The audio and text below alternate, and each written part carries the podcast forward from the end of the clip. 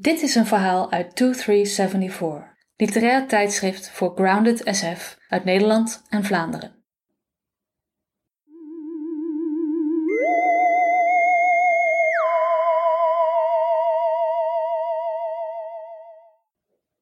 Aap in pak. Een verhaal van Nicky Runch. Nadat Li Yin, hoofdcurator en mijn manager, akkoord was met de bezorgingsvoorwaarden, zagen we hoe de robots langzaam de witte ruimte van het museum vulden. Yin leek niet onder de indruk van het feit dat we van de ethiekcommissie verplicht waren de robots als menselijke kandidaten te registreren. Want als het lijkt op een eend, als het kwaakt als een eend en als het waggelt als een eend, waarom zou het dan geen eend zijn? Voelde het alsof de tijd toenam in snelheid? Voelde het alsof je gedachten toenamen in snelheid? Kwamen herinneringen aan je verleden naar boven? Voelde het alsof je de oneindigheid van het universum plotseling begreep?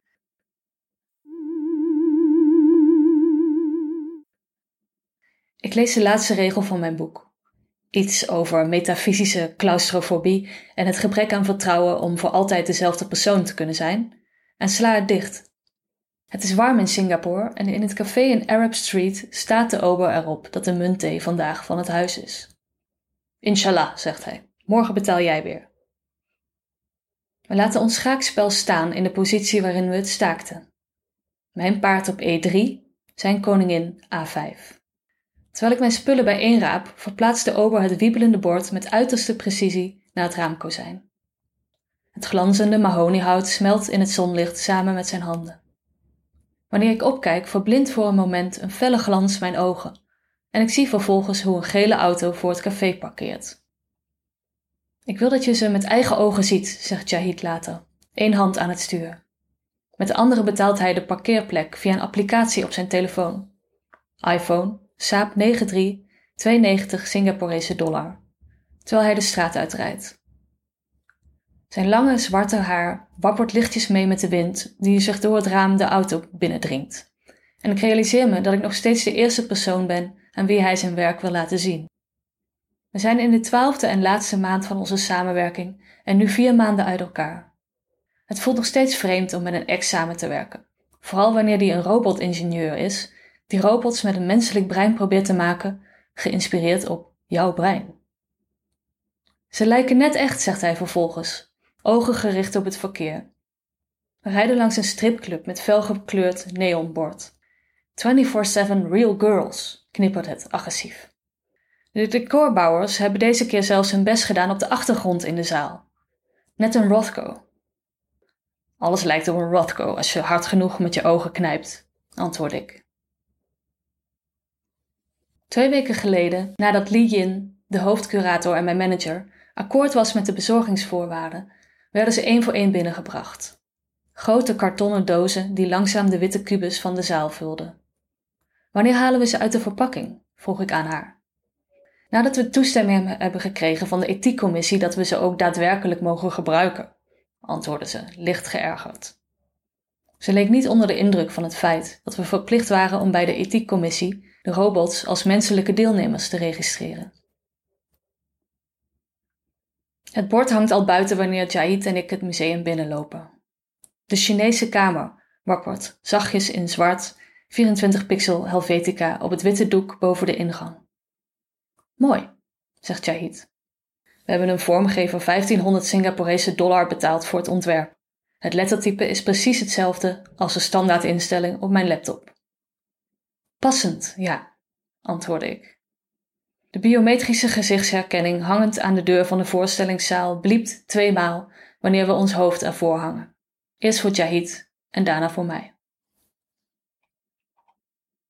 Ken je de grap van de curator en de robot? De curator, met een hoofd vol veronderstellingen, maakt voor het eerst kennis met een zelfbewuste robot wanneer ze een samenvatting voor een tentoonstelling moet schrijven. Vervolgens spendeert de curator een maand in een robotlab tussen de robots en schrijft een samenvatting gevuld met maar en echter. Uiteindelijk spendeert de curator een jaar in een robotlab samen met de ingenieurs en komt terug zonder tekst.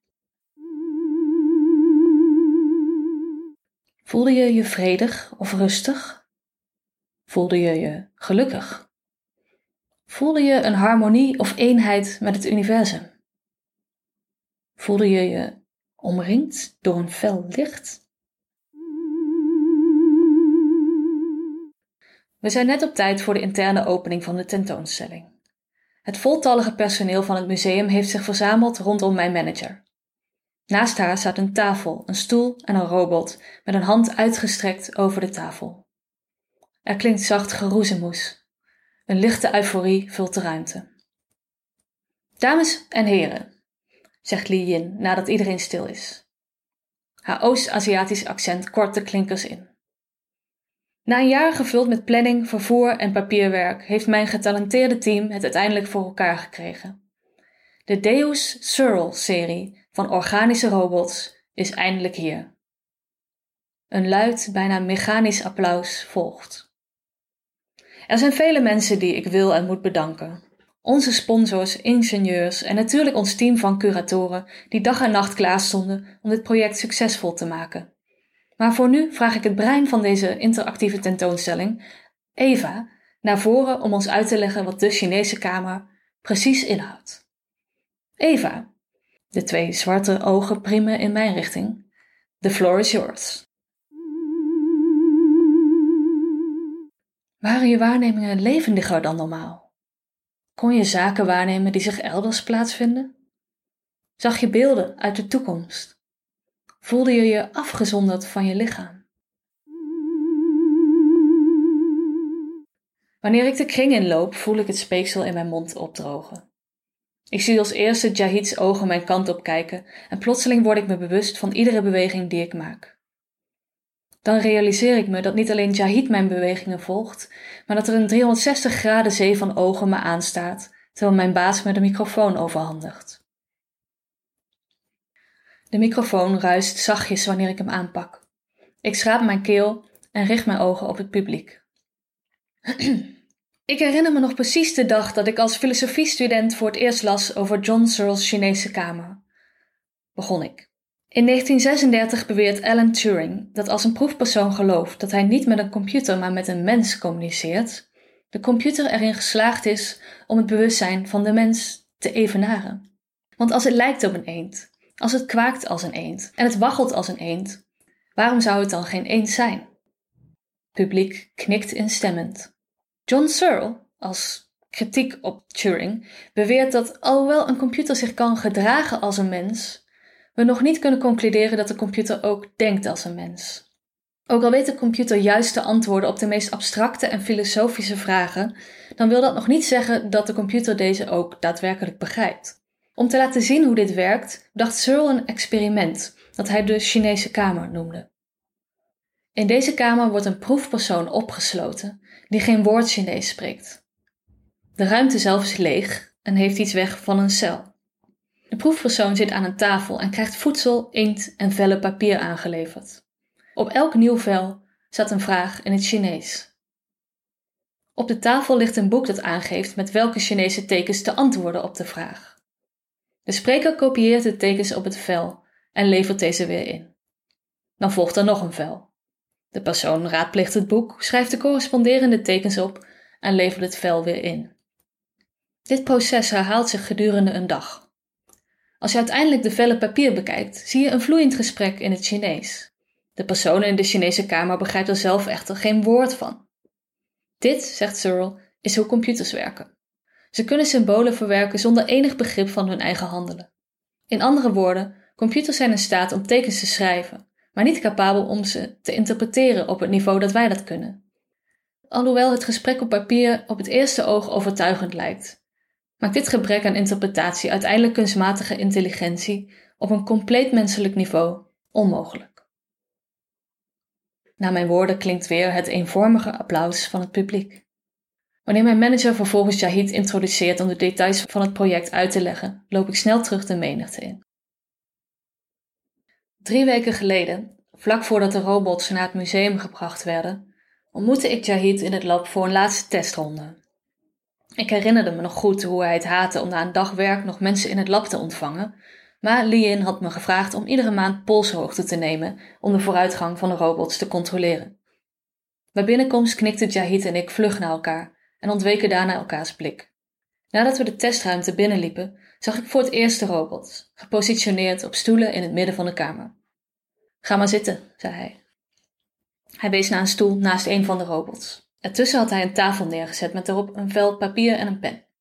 Ik laat je zien uh, wat we tot nu toe hebben. Ik voelde de wrok in zijn stem.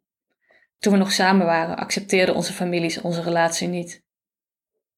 Terwijl de mijne iemand met een westerse naam prefereerde, was ik daarentegen niet moslim genoeg. Ik herinner me nog dat ik hem vroeg wat dan wel moslim genoeg zou zijn en of er misschien een minimumpercentage was en dat ik geen antwoord kreeg. Ik probeerde het later op deze manier. Hoe kan je als robotingenieur menselijke gevoelens en intelligentie in een robot programmeren en tegelijkertijd geloven in het bestaan van een god? Hierop schudde hij zijn hoofd en haalde zijn schouders op. Ik zag hem denken: waarom niet? Oké, zei hij zacht. Ik wil dat je de meest abstracte vragen opschrijft die je maar kan bedenken. Daarna leg je het papier hier en zal de robot een antwoord voor je opschrijven. Ik knikte. Tegenover me zat de robot met een grote uitgestrekte arm, klaar om te antwoorden. Ik dacht enkele seconden na en schreef vervolgens: Hoe voelt het om rationaliteit te verkiezen boven emotie? De robot begon met schrijven en de inkt op het papier vormde een vloeiende lijn. We weten als mens zelden vooraf waarom we doen wat we doen. Rationaliteit bestaat zodat we achteraf onze gevoelens met redenen kunnen rechtvaardigen. Ik herinner me nog goed hoe de mechanische ogen me vol medeleven aankeken. Die van Jahid keken de andere kant op. Geschokt door de precisie van het antwoord, keerde ik me naar hem en stamelde ik: wat, wat gebeurt er wanneer een robot intelligenter is dan wij? Misschien intelligenter dan ik, zei Jahid. Maar ik heb het geheugen geprogrammeerd naar jouw empathisch vermogen. De robots voelen precies wat jij voelt. Hoe is dat legaal? Herinner je nog de eerste keer dat je het lab binnenkwam? We lieten je een verklaring tekenen en maakten vervolgens een MRI-scan van je brein. Die hebben we gebruikt als model voor de serie. Ik dacht dat mijn scan een van de honderden was waarop jullie je robotbrein zouden baseren. Ik keek hem een poos stil aan. Jahid plukte zachtjes aan de stof van zijn mouw. Dat dachten wij oorspronkelijk ook. Maar we hebben besloten om enkel jouw scan als voorbeeld te nemen, zei hij.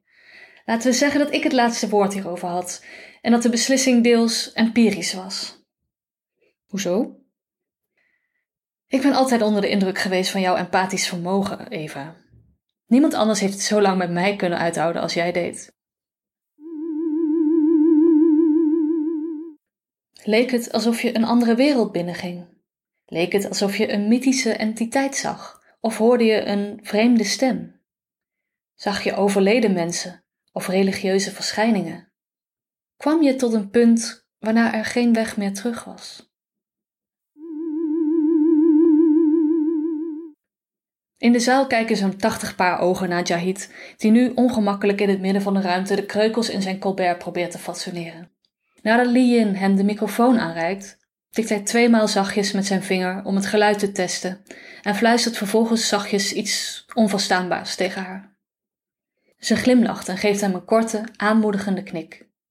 Hoe ons project een mogelijk antwoord heeft kunnen vinden voor Searle's theorie is simpel, zegt Jahid, terwijl hij zijn blik over de menigte in de zaal laat rondwalen.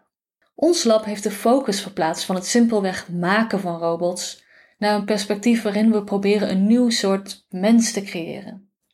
Je kunt dus zeggen dat ons lab geen robot heeft gemaakt, maar een robot heeft laten opgroeien.